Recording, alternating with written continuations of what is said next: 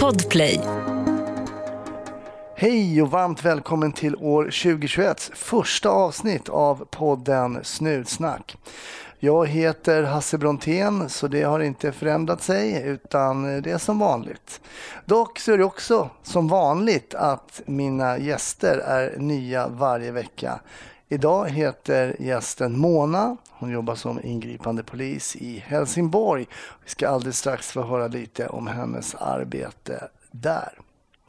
Ja, vill du stötta podden kan du göra det genom att bli Patreon. Det gör du på www.patreon.com snutsnack. Annars hittar du oss också på Instagram och på Facebook. Eh, där kan man se lite uppdateringar och jag lägger upp lite annat smått och gott. Hjärtligt välkommen att joina oss där. Ja, vi väntar på vaccin. Det är, vi är fortfarande mitt i den här pandemin eh, och vi håller ut och vi håller avstånd och vi är försiktiga givetvis. Ha nu en riktigt trevlig lyssning. 1310 1070 kom. 1310 Odengatan kom. Ja, det är uppfattat. Vi tar det. Slut. Bra. Klart slut. Jag säger varmt välkommen till Snutsnack Mona. Tack så mycket.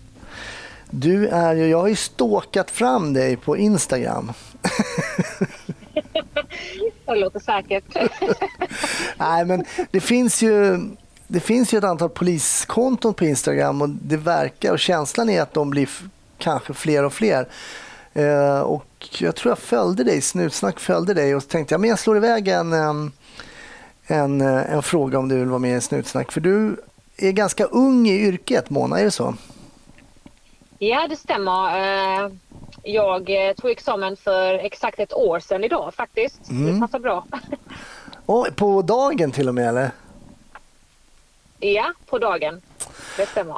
Wow. Ja, men berätta då, hur har det här första året varit som färdigutbildad polis? Det har varit extremt händelserikt. Eh, Jag eh, har lärt mig så mycket och varit med om så mycket grejer på ett år som jag tror är väldigt ovanligt att få uppleva liksom i ett annat yrke. Eh, Så att man känner riktigt hur man utvecklas själv och hur mycket man har kvar att lära sig dessutom. Vilket jag tycker är väldigt spännande att veta att det är mycket kvar i yrket. Men menar, du, menar du på att, ehm, att du inte var fullärd när du kom från skolan? Det är, var jag inte. det, kom det var långt ifrån fullärd och jag skäms som dess för att säga det. Och skulle man tro att man är fullärd då får man fan tänka om alltså. Ja. Det, det jag var långt ifrån fullärd. Alltså skolan, det var en bra utbildning helt klart. Eh, Men jag tror det gäller de flesta utbildningar egentligen. Du pluggar. Men det är ju inte som verkligheten. Nej. Och det brukar sällan vara det när du jobbar med människor. Mm. Eh, Så att eh, absolut inte, inte fullärd och inte fullärd än överhuvudtaget efter ett år. Så att eh, jag lär mig fortfarande. Kan, du, kan du peka på någonting ehm, konkret som du har lärt dig som du kanske inte kunde när du kom ut trots att du så att säga var färdigutbildad? Har du något sånt exempel? Ett bra exempel är egentligen eh, det är när man får ett, eh, ett anrop från ledningscentralen när de ropar på en och säger ja, pågående misshandel, tio personer inblandade, det är kaos i princip och man eh, kör fort, man blåar och man kommer på plats och man är mentalt förberedd. Okej, nu säkerhet, säkerhet, säkerhet. Och man har pulsen lite uppe så kommer man dit. Så är det två som har druckit lite för mycket som står och tjafsar lite högt. Ah. Och så blir det liksom lobb. Ja. Där man får liksom omhänderta enligt eh, alltså, berusade personer. Liksom. Så att det är ju verkligen, det är inte alltid som det låter. Men Nej. sen spänningen i det också är ju att ibland kan det också låta inte så extremt. Att ja, två stycken har slagsmål och så kommer man dit och så är det tio personer som slåss och så behöver man tillkalla fler patruller och så Mm. är det lite mer action i det så att säga. Det där är ju en eh, otroligt eh, viktig eh, lärdom att så att säga utropet som man får eh, som patrull sällan är liksom en karbonkopia när man kommer fram till platsen. Ja, definitivt. Det är, det är nog bra att ha med sig alltså när man pluggar redan och veta om att det är inte så säkert som det är i skolan. Du får inte all information ut i radion och så vet du exakt vad som komma skall när du kommer dit. Nej. Det funkar inte så. Men hur känns det liksom kring själva yrkesvalet då? Nu har du gjort ett år och liksom nu är det här ditt jobb verkligen. Du är inte på väg mot att bli färdigutbildad utan du är liksom polisassistent, du är ute och jobbar. Hur känner du kring ditt val av yrke just nu efter ett år? Ja, men jag känner nog att det här är precis vad jag menar för att göra. Alltså jag känner att jag har valt rätt väg och jag känner att jag är på rätt plats. Mm. Eh, och jag, jag känner bara att jag ångrar inte absolut. Jag, orkar, jag ångrar liksom inte en enda dag att jag har valt detta yrket. Mm. Utan eh, jag är otroligt nöjd med var jag är någonstans och jag längtar till att bara få fortsätta jobba så länge jag känner så här. Ja, vad kul. Vad, och vad är det du jobbar någonstans just idag? Nu jobbar jag i Helsingborg. Mm. Eh, så jag jobbar som ingripande polis i Helsingborg. Just det, och ingripande polis då, alltså de vi ser liksom på gator och torg komma i bilen och så, så tar ni de jobb ni får från ledningscentralen, inkommande liksom löpande arbeten liksom. Ja men precis, det är ju de här 112-samtalen som folk ringer in, eller 114 14 kan det vara ibland också ju, Mm. om de inte är lika akuta. Så är det ju de samtalen vi åker på. Eh, så att eh, sen jobbar man ju även så kallad gul tid. Det är när man har, när det inte kommer in ärenden till dig och eh, så har du lite ledig tid så att säga och då försöker man ju styra upp lite att man kanske kör trafikkontroller eller så har man lite fotpatrullering, synlighet, jobbar mycket brottsförebyggande också så gott man kan. Jaha, det kallas för gul tid. Det var någonting helt nytt för mig måste jag säga. Men då, du ser, man lär sig ju hela tiden. Ja, precis. Och myndigheten också. Det är ju bra att man har gul tid också så att det inte är att man bara sitter och väntar på att någonting ska hända. Nej. Utan det är ju väldigt viktigt att det är ju vårt arbete oavsett om vi jobbar som ingripande poliser eller som områdespoliser. Det är att, det är att vi ska synas och vi ska ju också jobba brottsförebyggande. Inte bara när brott har skett så att säga. Just det. Men hur har du blivit emottagen då som nyutbildad polis och kommer ut liksom och eh, det, uniformen är så ny så att det liksom eh, luktar kemtvätt om den fortfarande. Den kommer direkt från... hur, blir man, hur, blir man emot, hur blir man liksom emottagen då, då av de här äldre konstaplarna på stationen? Hur har det känts för dig? Alltså, för det första luktar det inte fortfarande kemtvätt. Jag har jobbat en hel sommar i den uniformen och fotpatrullerat en del. Det är långt från kemtvätt. Jag, så att nej, men eh, den luktar inte svett i alla fall alltid. Så det är alltid bra. Ja, det är bra. Men mottagandet har varit extremt bra. Eh, så att jag har varit alltså, faktiskt glatt överraskad så här över hur bra mottagare man har blivit eh, inom myndigheten, även av de äldre. Okej. För jag vet att, ja, för att jag hade en bild av att ibland kanske det kan vara du är ny i princip och sen så skjuts man lite iväg åt sidan. Ingen vill i princip eh, prata med dig, ens försöka prata med dig. Det är en bild man har haft. För det är ju oftast folk är väldigt glada för att också styra rykten. Så är det ju. Eh, men jag är lite glatt överraskad faktiskt hur, hur väl mottagen man har blivit. Eh, sen finns det ju alltid människor inom ja, vilket yrke det än tar. Det är inte bara Polismyndigheten där man kanske bara inte kommer lika bra överens. Men man är fortfarande kollegor ändå liksom. Just det. att, ja. Men som tjej då? Du, är ju- ni är ju fortfarande, tjejer är ju fortfarande lite underrepresenterade eh, inom polisyrket. Hur är det att komma som, som tjej? Har du märkt någon skillnad mot dina manliga kollegor? Nej, det, har- det har jag faktiskt inte. Eh, jag har inte tänkt på att det är på grund av att jag är tjej. Jag skulle bli mottagen på ett visst sätt. Utan det är bara helt enkelt att man kanske inte kemin stämmer. Eh, men ja, så är det ju. Alltså jag har ju också, det har varit lite annorlunda tror jag också i och med att jag har ju haft en öppen profil på Instagram. Mm. Och jag är ju väldigt så här, och sociala medier kanske inte är, som det är ganska nytt inom myndigheten också. Mm. Och den äldre generationen är kanske inte lika accepterade av det som en yngre generation som är idag som tycker att det är bra att polisen syns. Eh, och där kan det ha, ha lite med att det krockar lite kanske i så fall att man vissa har ett, kanske åsikter om att jag har sociala medier, det är inte där polisen ska vara. Eh, vi ska inte synas så mycket och eh, det är oftast den äldre generationen. Sen kanske det sticker ut mer för att jag är kvinna också. Mm. Eh, det, det tror jag. Jag tror inte det. Jag tror inte det hade varit lika, lika extremt om det var en manlig polis. eh, som är, har en öppen profil, vilket det finns Mm, också mm. såklart. För du heter ju Mrs Multitask heter du va? På, på Instagram. Det gör Mm. Ja. Vad, är tanken med, vad är tanken då som polis när man har en sån här eh, Instagram-profil då? Eh, Tanken för mig var att alltså när, jag, när jag började plugga polis så hittade jag i princip ingen, inget Instagramkonto som jag bara, åh det här är polisen, det här är vad de gör. Att man får en inblick i polisens yrke. Vi har ju ingripande poliserna Mm. eh, till exempel som har ett konto som har väldigt många följare som är otroligt duktiga på det de gör. Mm. Eh, och där vill jag på något sätt också inrikta det dit men också att folk ska få se lite också polisen bakom uniformen. Mm. Eh, liksom, och liksom att hur, hur vi är, att vi även är människor, vi gör annat i våra liv också än att bara är poliser och vad det innebär. Förklara vårt arbete lite. Eh, vi skrattar, vi gråter, vi är också hungriga. vi har, alltså det, det, det är lite vad det går ut på. Det, jag känner att Polismyndigheten har länge velat så här, vi behöver fler poliser. Eh, vi behöver de här poliserna, fler kvinnor, vi behöver poliser med utländsk bakgrund. Men jag har inte känt att det har gått på rätt, alltså man har inte gjort det på rätt sätt. Nej, Annars okej. hade man inte behövt skrika efter det fortfarande idag. Nej.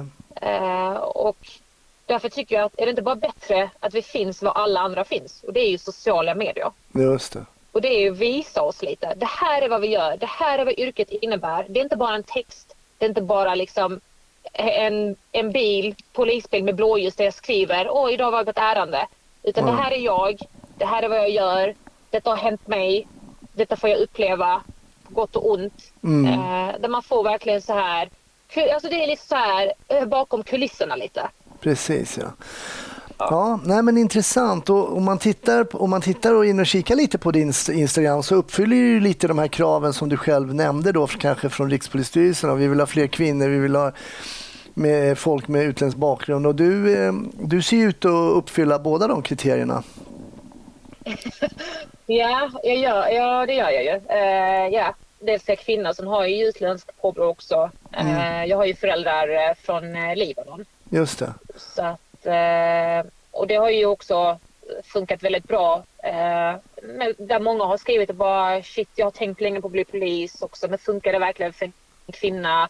Eh, liksom ta, tas det emot väl? Och, och sådana saker. Många som har funderingar och frågor som man kanske normalt inte hade kunnat ställa någon annanstans. Nej, men, nej, men det, låter ju, det låter ju väldigt vettigt att kunna visa. Och det är ju tanken lite med den här podden också. har alltid varit att berätta och få lite info kring vilka som jobbar där ute och, och vad man gör annars och sådär. Har du fått reaktioner från, från kvinnor, låt säga då kanske ja, men men liknande. Nu, du- nu vet jag att du är född i Sverige då, men det är väl egentligen oväsentligt. Men, men alltså kvinnor kanske som från Libanon eller länder i Mellanöstern, så kan jag som tjej liksom verkligen bli polis? Har du har fått sådana frågor eller? Absolut, jag har fått många sådana frågor. Och det är också för att det är nog inte så vanligt att det är tänkt att alltså, kvinnor från Mellanöstern ska vara poliser. Nej. Eller ska jobba med lite ja, vad det har varit innan ett mer mansdominerat yrke. Mm. Eh, och här ser man någon, en kvinna och med samma ursprung som mig. Eh, eller typ jag har ju barn också, kanske många mammor som har velat söka men bara går det verkligen att plugga när man har barn? Mm. Eh, allt det här, alla de här frågorna som kanske många har suttit och funderat på länge. Mm. Och nu finns det någon som kan besvara de här frågorna och visa att ja, det är möjligt. Eh, och det har lett till i princip, och det är det som är så roligt tycker jag, där han har börjat med att skriva och fråga de här frågorna och funderat och bara shit det går. Mm. Till att jag får sedan ett, ett meddelande efter ett tag där jag bara nu har jag sökt. Och nu har jag kommit in. Och det är ju fantastiskt. Ja, och det är, det är så roligt att, och det är verkligen så roligt att se och då känner jag så här, det är precis därför jag har min Instagram. Det är det här vi behöver. Ja, Nej, men jätteintressant. Och det, jag tycker det, det är ju verkligen de nya, de nya liksom kanalerna, precis som du nämner, att, att nå människor på nu för tiden. Det är ju sociala medier. Men eh, jag tänkte fråga vidare där om din bakgrund lite grann. Då. Pratar, du då, eh, pratar du arabiska också? Ja, jag pratar också arabiska. Gör jag. Har du haft någon nytta av det rent praktiskt i, i yrket? Ja, jag har haft eh, väldigt stor nytta av det eh, i yrket. Eh, många gånger där vi har hamnat på ärenden där kanske är arabisktalande och eh, inte kan så bra svenska. Mm. Och då har man kunnat flika in Alltså bara ett bra exempel. Vi var på ett, eh, ett det gick ut ett ärende med väpnat rån Mm. och eh, butiksinnehavaren där kunde inte svenska. Han kunde bara arabiska. Ja. Och det är ju viktigt, du vet själv när man som jobbar som polis, att det är viktigt att få ut signalement och vilken riktning de har åkt i och med att det var ganska färskt också. Ja. Och vi kunde få ihop så mycket information vi bara kunde, signalement och var de har åkt, i vilken riktning, och hur många de var. Mm. Och det fick jag ju ut ganska fort med tanke på att han kunde arabiska och inte svenska. Just det. Eh, och det var ju guld där. Och vi lyckades ju få tag på alla tre personer som var involverade i just det här väpnade rådet också. Ja, Så att, ett klockrent exempel på, på ja, det var ett nyttan. jättebra arbete från alla patruller, absolut. Du nämnde där att du sa att en del kanske inte tycker att kvinnor från Mellanöstern ska vara poliser. Och det, den tanken, och vet jag inte var den kommer ifrån, men jag skulle kunna då lite fördomsfullt kunna tänka mig att rätt många i Mellanöstern inte tycker att, att k- kvinnor ska vara poliser. Så jag menar, har du fått någonting negativt också kring att du som kvinna Eh, med rötter i Mellanöstern jobbar som polis? Har du fått någonting negativt eh, när du kanske varit ute och jobbat sådär? Alltså, jag, har inte fått, jag har inte fått lika mycket negativt som jag trodde jag skulle få när jag jobbade ute. Eh, ibland kan det vara så att det kan vara inte bara män från Mellanöstern, eller det kan vara män generellt som har svårt att att ta emot liksom eh, Alltså bara lyssna på en, en kvinna överhuvudtaget. Mm. Alltså, ska du säga till mig vad jag ska göra som kvinna? Mm. Lite mer så. Eh, men det är väldigt, väldigt få situationer. Alltså det har varit väldigt sällan jag varit med om det. Mm. Eh, så att egentligen inte. Jag, jag ska nog säga att jag är positivt överraskad över hur lite eh, det har nämnts över att jag är kvinna som polis Mm. eh, när jag är ute och jobbar. Däremot kan jag tycka att man oftast blir mer objektifierad som kvinna. Mm. Alltså när man får de här, eh, åh så, jag, så snygg du är, eh, vad är ditt namn, är du gift? De här frågorna där man ständigt, bara för att man Ah. har och kvinnan i uniform, det, det ska ses som något sexuellt i princip. Ah, ah, Okej, jag inte fattar. fattar. respektfullt. Ah. Eh, Så det har varit mer åt det hållet egentligen skulle jag säga. Hur, bemö hur, bemöter du såna, hur bemöter du såna frågor, till exempel åh, är du gift eller får jag ditt telefonnummer eller vad det nu kan vara. Hur, hur bemöter du det liksom i en, i en arbetssituation? För det är ju rätt oseriösa frågor i, där man står där i sin yrkesroll. Det är det absolut. Eh, Vissa gånger kan jag liksom eh, ta det med humor. Bara, nej, jag är inte gift och även om jag är singel så är jag inte intresserad av dig eh, i princip. Med trycka ner. Då blir det skämmigt framför polarna ju. Det är inte så jävla roligt längre. Nej, Eh, nej precis. med så. Ibland kan jag bara säga så här. Det handlar inte om mig just nu. Det var du som ringde samtalet och jag är här för att hjälpa dig. Vill du ha min hjälp? Så svarar du på mina frågor och du har ingenting med mig att göra. Annars kan jag skita i det och gå härifrån. Just Alltså det. lika att man får vara liksom väldigt bestämd. Och tydlig. Eh, och, säga, och väldigt tydlig, absolut. Eh, så att det, det är som man alltid får i skolan. Det beror på Ja. vad, det, vad det är för situation. Eh, men det är väldigt viktigt alltså, att poängtera att det där är inte okej. Ja, just det. Ja, men du sa här i inledningen, vilket ju var, lät ju väldigt, väldigt spännande, att du har haft ett oerhört händelserikt första år. Eh, Och det, det låter ju spännande. Vad har du för liksom, vad får du upp för händelse i tankarna om jag ber dig liksom så här, är det något case du kommer ihåg under ditt första år nu så här? Vad, vad, vad tänker du på då? Jag kommer att tänka på ett ärende som vi fick in av ledningscentralen. Och det här är ett perfekt exempel på vad som kommer ut och vad som, hur det slutar. Mm. Eh, där vi får då att det är en man eh, som har ringt in och eh, sagt att han, kommer, han vill ta sitt liv och att han har ett vapen hemma. Mm. Och ser han polisen eller ser han blåljus så kommer han skjuta mot polisen också. Oj. Eh, jag och min kollega är först på plats. Eh, vårt jobb då är innan nästa patrull kommer det är att försöka, försöka lokalisera var den här personen bor och hur det ser ut men ändå hålla avstånd för han får ju inte se oss heller. Nej, men vad tänker Eh, du? Jag tänk- tänker bara så här, förlåt nu avbröt jag dig lite, men. Vad tänker du när du får det här liksom över radion? En person som då dels först ska vill försöka ta sitt liv, men om han får syn på polisen så kommer han liksom börja skjuta. Får du liksom lite, känner du att ja, men nu höjs min adrenalinnivå lite här, jag får upp lite mer vakenhet. Eller hur reagerar du när du är på väg mot det här jobbet? Min reaktion är såklart att min puls går upp lite, det gör den. Mm. Eh, och det är att jag tänker säkerhet, säkerhet. Eh, Jag vill liksom komma därifrån levande och jag vill att min kollega ska komma därifrån levande liksom, så säkert som möjligt. Mm. Och det är också därför viktigt att inhämta så mycket information som det bara går från ledningscentralen som sitter kanske i telefonsamtal. I det här fallet var det hemtjänsten som hade ringt 112 Just och det, vidare okej. får vi informationen. Mm. Och då är det hela tiden inhämta och uppdatera sin information så vi vet lägesbild hela tiden. För det, föränd- det kan ju förändras med tiden också Mm. väldigt fort. Såklart. Eh, absolut, och det är ju också, och i detta fallet var det ju att jag vill också självklart se, alltså jag vill ju veta också så mycket som möjligt om vad som händer i bostaden, men på det avståndet jag kan. Mm. Alltså det är också, jag vill veta, det är också viktigt för patrullerna som är på väg att veta, är det släckt där hemma, är det tänt, kan man se honom? Mm. Den här informationen är även viktig för resterande patrullerna och alla poliser som kommer för att de också ska kunna tänka på deras säkerhet och veta vad de ska utgå ifrån. Just det. Eh, men pulsen var definitivt uppe i detta läget. Och, Mm. Men samtidigt så är det ju viktigt att inte gå ner i det så kallade stresskonen. Som vi pratar mycket om på utbildningen. Just att man det. inte går långt ner liksom, och så man inte kan jobba eller tänka överhuvudtaget. Precis. Eh, så, Men, ja. men ni är ändå först på plats då, du och din kollega där? Ja, vi är först på plats eh, och vi lyckas, vi försöker hitta ett sätt liksom, hur ska vi kunna se eh, in i, det, det var liksom radhus, hur ska vi kunna se i bostaden utan att vi syns till men kunna få inhämta information och ja. Så vi, vi försökte liksom hitta en bra plats och fick många så byta för vi insåg att det här funkar inte, här syns vi inte alls och vi ser ingenting. Eller här skulle vi synas mycket. Mm. Och till sist hittade vi en lämplig plats där vi kunde stå. Eh, där vi kunde se ganska bra in men han skulle förmodligen inte kunna se oss. Just det. Eh, och då ser vi till sist att det står två kvinnor utanför bostaden vilket är då hemtjänsten. Okej. Och de står och pratar med en person.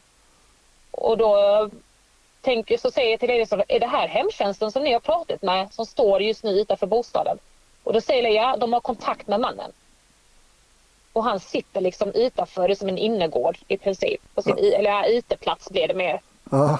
Och, och där sitter han och då, då har han kanske inget vapen för de verkar inte alls rädda. De säger då, nej men ni kan komma fram.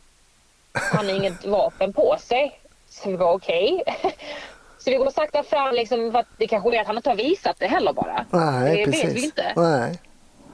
Men vi måste ju komma fram, vi måste ju kunna jobba. Ehm, men då kommer vi fram och då får vi och då har han, vi säger visa händerna, då visar han ju händerna ganska tydligt. Han sitter ju ner på en stol och vi kommer fram och vi säkrar honom vilket gör att vi tar tag i hans armar ganska snabbt så han inte liksom kan ta händerna i fickan. Och, eh, och så får vi kolla igenom och så visar han, de säger att han har någon OC-spray i fickan som han har visat upp. Men det visar sig vara så här doftspray. Mhm. Parfym. Ja, vi bara, jo, är, så kan det se ut också. Eh, den här mannen, alltså han mådde ju han mådde extremt dåligt. Eh, han var ju aggressiv, eh, det gick ju verkligen upp och ner. Eh, han kunde sitta ner och prata lugnt och vara ledsen och sen kunde han helt plötsligt bara få för sig att det är inte vi som bestämmer att vi ska dra härifrån och bli aggressiv och så kunde han lugna sig igen. Mm. Och till sist fick man ju ändå, jag försöker liksom verkligen bara hur viktigt det är att man som polis också försöker behålla lugnet. För någonstans i den ilskan kunde jag se att han, han var otroligt ledsen. Mm. Han mådde dåligt. Ja. Och så sa jag liksom, det är okej att du är ledsen. Jag, jag ser att du är ledsen. Du är inte så här arg och aggressiv egentligen. Du är, du är mest ledsen. Mm. Och då kom ju tårarna och alltså, honom och så berättade han att han mår väldigt dåligt och Ja. inte vill leva längre. Att, eh, Hur, hur gör man, vad gör ni rent konkret där då med en sån person då som mår så dåligt och inte vill leva längre? Vad, vad kan man som polis göra? Då måste man ju bistå med något sätt. Och vad gör ni? Kör ni dem till, ehm, till psykakuten eller hur, hur gör ni? Ja, vi försöker ju först och främst att och prata lite så att han kan liksom berätta varför han mår så dåligt och sådär. Bara för att man ska skapa någon sorts relation. Mm. Och någon tillit också, det är otroligt viktigt. Eh, även om det är sen kanske psykakutens eh, jobb och ärende i slutändan så är det ju fortfarande också vårt jobb att se till och, och, och bry oss om människor. Mm. Eh, vilket man gör, självklart. Vi är också mänskliga och medmänniska ska man ju vara oavsett vad man gör. Eh, Men där uttryckte han ju klart och tydligt att han ville ta sitt liv och vi försöker ju också i så fall få till att han ska åka in frivilligt. Det är ju det bästa om någon frivilligt vill ha vård. Det brukar oftast vara lättare att få, alltså, få rätt vård om man vill gå in frivilligt ju. Mm. Men det ville han ju inte. Eh, han ville inte in frivilligt, han ville inte in överhuvudtaget och ville inte åka med. Eh, vilket gör då att vi måste inhämta ett beslut om LPT. Och det är ju då att vi ska kunna få omhänderta liksom, med tanke på att han, har, han är psykiskt sjuk. Han behöver hjälp och uttryckt, och uttryckt livsled att han vill ta sitt eget liv. Mm. Eh, och då får vi besluta av vårt eh, inre befäl i det här fallet som fattar det här beslutet att eh, vi får ju, han får ju åka in med oss i tvång. Det blir inte frivilligt längre. Nej, precis. Och då får vi köra in honom till psykakut och så får vi sitta där med honom tills han har pratat med läkaren och då får de göra en bedömning där om han ska vara kvar eller om han, han ska skrivas ut. Okej. Så. Det här var ju, det här var ju ett ärende där, där infon som ni fick först blev ju en riktig pulshöjare att man eventuellt kan bli skjuten därför att personen skulle liksom skjuta mot blåljuspersonal som kom men inte alls var så här som det sades innan. Nej, precis. Och bara den egentligen den informationen också om att, att man ska ständigt uppdateras. Också det att vi står ju där och jag ser två kvinnor men jag har inte lokaliserat exakt vilket hus han bor i. Nej. Och det gör ju också, de har ju stått där ett tag och jag såg dem när vi har sprungit förbi men jag, jag och min kollega förstod inte riktigt att det var där i och med att vi fortfarande har informationen att han har ett vapen. Mm. Eh, då har de stått där och sett oss springa och Smyg, oss. smyga runt. Lite så de tänker liksom, och de bara det är ju polisen, vad håller de på med? alltså vi tänker, så står de där, så står de där liksom som ingenting och vet om att det är inget vapen här, det är lugnt liksom. Han är bara lite upprörd. Ah. så att, eh, ja. Men eh, det är ju, ja, det är ju så det kan bli och jag känner man tar ju hellre det säkra före det osäkra alla dagar i veckan. Ja, men såklart, såklart. Så att, jag går ju hellre in med en eh, pulshöjare där och avslutar det sådär än att gå dit som att någon bara mår dåligt och så kommer dit så har han ett vapen. Mm. Kan du känna att du någon gång i något ärende kommit in lite för, liksom, med för lite, alltså jag menar inte att du ska ha puls, men att man kommer in lite för lojt att det liksom, alltså att det blir ett tvärtomläge när det liksom stegrar från väldigt lugnt till, till någonting lite mer allvarligt. Där, förstår du vad jag menar? Istället, Ja, jag, för, jag förstår absolut. Uh, sådana lägen är till exempel om man får information att eh, någon är förberusad. mm, Eh, så det blir liksom en så kallad LOB. eh, där man ska omhänderta personen och vårda den lag. Att de ska sitta, att de är för berusade för att vara ute och Mm. de är fara för sig själv eller någon annan. mm, och då eh, kan man komma dit och då får man ju ingen information om att personen har varit aggressiv på något sätt om det kanske är några vakter som har först tagit personen eller någonting. Det är väldigt lugnt på plats. mm, Och då kommer vi dit och då kan det vara, så hör man att stämningen kan vara hetsig lite hur personen svarar och hur det, beteendet är. Och det kan ju sluta med att det blir liksom våld mot tjänsteman. För Det Mm. blir så pass aggressivt. Mm. Eh, och, och det är ju tyvärr det också med alkoholen som kan göra med människor ibland. Eh, Mm. de kan göra dem mer aggressiva. Någonting många kanske skäms över när de har vaknat sen efter berusningen och bara, vad har jag gjort? ja, men precis. Eh, ja, men tyvärr så kan det kan bli så också man kommer dit, det ska vara lugnt på plats. Eh, och det, man tänker att det är bara vanlig liksom, en berusad person, en för berusad person man ska ta med. Men så, så får man åka in med fängsel och det blir våld mot tjänsteman och får man skriva en anmälan där. Så att, Tidigare berättade du att du känner att du är långt ifrån fullärd, du kommer från skolan, man har en bra, bak, man har en bra utbildning i ryggen men man är inte fullärd. Jag tänker på det här när du berättar att någon blir våldsam. För man övar ju mycket på skolan på grepp och det är liksom eh, handleden där med svanen och allt vad det heter. Hur, hur, det funkar ju bra när man övar. Hur tycker du det har funkat när det övergår liksom från skolmiljö och man övar på sina liksom studentpolare och sen blir det liksom rock'n'roll utanför en krog. Hur, hur har det funkat? om man ska, ja, jag får vara helt, helt ärlig, det funkar inte. alltså det, det, nej, det gör det inte. Jag ska all cred till skolan. Jag förstår att jag vet att det det kommer ju någonstans att, det, att vi ska göra det så bra som möjligt. Att det handlar ju också om personens säkerhet så vi ska omhänderta och vår säkerhet. Man lär ut de här greppen. Mm. Eh, men man har inte tid med de små detaljerna. Om min tumme utanför, utanför på hans hand eller under hans hand. Alltså sådana saker. Det, det har man inte tid med.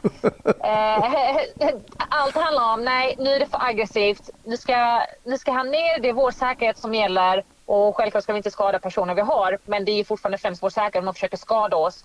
De ska ner, vi ska boja dem så fort som möjligt. Ja. Eh, vi har inte tid att kolla vad, vad hålen på fängs, fängslarna är. Eh, det, det, det är liksom... Det funkar inte. Nej. Det gör inte det. Det är det jag menar, det är ett exempel på att hur det ser ut i skolmiljö och hur det ser ut när man kommer ut i verkligheten. Ja, ja, jag, jag, det var väl min bild också så att de här äh, som när, när ens polare gick på tå för att man fick in ett sånt bra grepp inte alltid funkade när man kom ut. Att det var, man fick verkligen sådär eh, improvise, adapt and overcome. Man fick verkligen improvisera i vissa lägen och ta grepp som jag tror RPS aldrig har sett någon gång överhuvudtaget. Precis. Exakt så är det. Och eh, det, det, vi lever kanske, det blir lite förskyddad miljö ibland på utbildningen kanske. Ja. Eh, så att, eh, men jag har nog aldrig använt mig av, jag kommer inte ihåg, vad heter det? Svanen. Sva- Halv, svanen ja. Och, Jag vet inte om det heter svanen, men det, det är med, vet- du vet det där med handen Nej. som man ska böja. Ja. Ja men precis. Alltså, det har ju aldrig varit så. Eh, Nej. Så att, eh, nej. Det Man gör jag, vad man kan i det läget. det jag upplevde som absolut eh, mest effektivt när det kom till det här som du berättade, nu måste han ner på marken och sådär. Det är ju eh, tajmingen och kommunikationen kollegorna emellan. Om man gör någonting precis som man har gjort några gånger när man har jobbat med en kollega några gånger och gör det på samtidigt mot samma period, då, är det väldigt, då kan man göra det otroligt smidigt och snyggt. Liksom. Om till exempel en kollega ska lägga en person bakåt och en ska lägga den framåt samtidigt så blir det oftast inte så bra. Men om man vet att vi lägger den bakåt eller framåt och det gör vi alltid, då har man fått in någon typ av patrullteknik som, som kan bli väldigt, väldigt effektiv och skonsam både mot kollegor och mot den misstänkte. Liksom. Absolut, det håller jag med om. Och, det, och, och den kommunikationen behöver inte ens vara lång. Nej, Utan det är bara att man får en blick och så säger man ta, ta benen bakåt. Bara det här ordet liksom bakåt. Ja, då är vi båda med på det. Och så, och så gör man det. Simpelt. ja. Sådana saker. Och någonting jag har lärt mig också som är sjukt effektivt det är att man går på benen. ja. För att de spänner ofta. Jag har märkt det att oftast jobbar vi med deras armar för vi vill hålla dem säkrare och då spänner de ju armarna. Och då slappnar de ju av lite i benen. Och tar man ner på knäskålen direkt och då, då viker de sig ganska fort och där kan man jobba lite snabbare. Så Ja. att, eh, bara en sån sak. Ja. Små, små tips här till blivande konstaplar som lyssnar. Absolut. när, ni kom, när ni är färdiga med utbildningen. Jag vet inte mycket man får göra på, på skolan. Men... Men, men eh, vad ser du din framtid då inom polisen? Det är ju rätt häftigt. med det- Polismyndigheten är ju stor och har många liksom... Det finns ju en, en, en- en uppsjö av tjänster att söka. Vad ser du? Vi ser, om vi börjar med de fem närmsta åren då. Vad tror du att du kommer vara de fem närmsta åren? så som ser ut så tror jag att jag kommer vara kvar alltså som ingripande polis. Eh, som det ser ut just nu. För jag tänker att jag vill ha så mycket kött på benen jag bara kan. Eh, och jag vill liksom bara lära mig så mycket det går. Eh, för tanken är i framtiden att efter dem också det att jag ska, jag vill söka till förhandlare.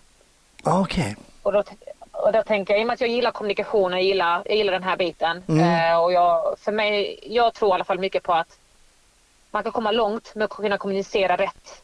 Eh, så att eh, det är i alla fall mitt intresse just nu, det är att kunna vidare i framtiden kunna söka till förhandlare.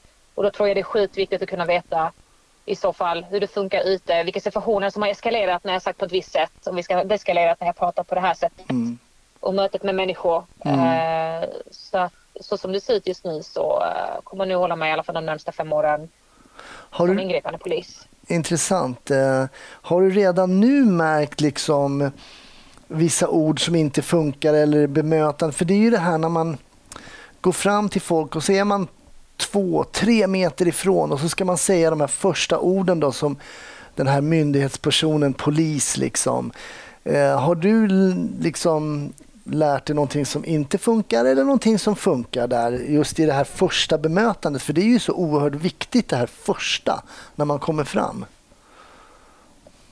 Eh, absolut. Eh, så ett sätt att se det på om du kommer, vi får ju mycket så här, vi kan få till oss att det, det är många som är, eh, många ungdomar som hänger och ja, de pratar högt och de beter sig dåligt. Mm.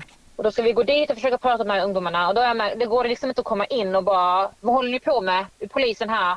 Eh, Du flyttar dit, du går dit. Alltså det är situationer, ja det är ungdomar, de pratar högt. Mm. Alltså vi alla har varit så pass unga också. De skojar mycket, det blir mycket, de knuffar varandra, låtsas bråka. Det händer. Eh, det finns ingen idé för oss att gå in aggressivt i det bemötandet för det kommer inte leda någonstans. Det, det kommer bara bli dåligt. Mm. Eh, speciellt är det oftast också om det är en grupp unga killar och man går in hårt och har en otrevlig ton med någon. Då måste de ju oftast visa upp sig att jag tar inte skit. Ja, just det. och, då, och, då, ja, och då ska de visa upp sig och då ska, jag, då ska jag också visa upp mig. Men jag är polis, det är jag som bestämmer och det blir bara, det blir bara negativt. Just det. Eh, så det jag brukar göra är alltså många lägen där jag går in och bara känna hur är läget här och alla bara, det är bra, vissa pratar inte, vissa hälsar liksom. Och så brukar här skulle jag kunna prata med dig om jag kan se till exempel här är en person som kanske, jag också försöker hitta vem är ledaren. Mm. Mm. Vem är absolut. bossen i detta gänget lite? Ja. Och bara, är det okej om vi kan gå till sidan och prata lite? Eh. Jag tänkte bara ställa några frågor. Och det är skönt att bara göra det liksom, det är bara jag och du. Ja men absolut.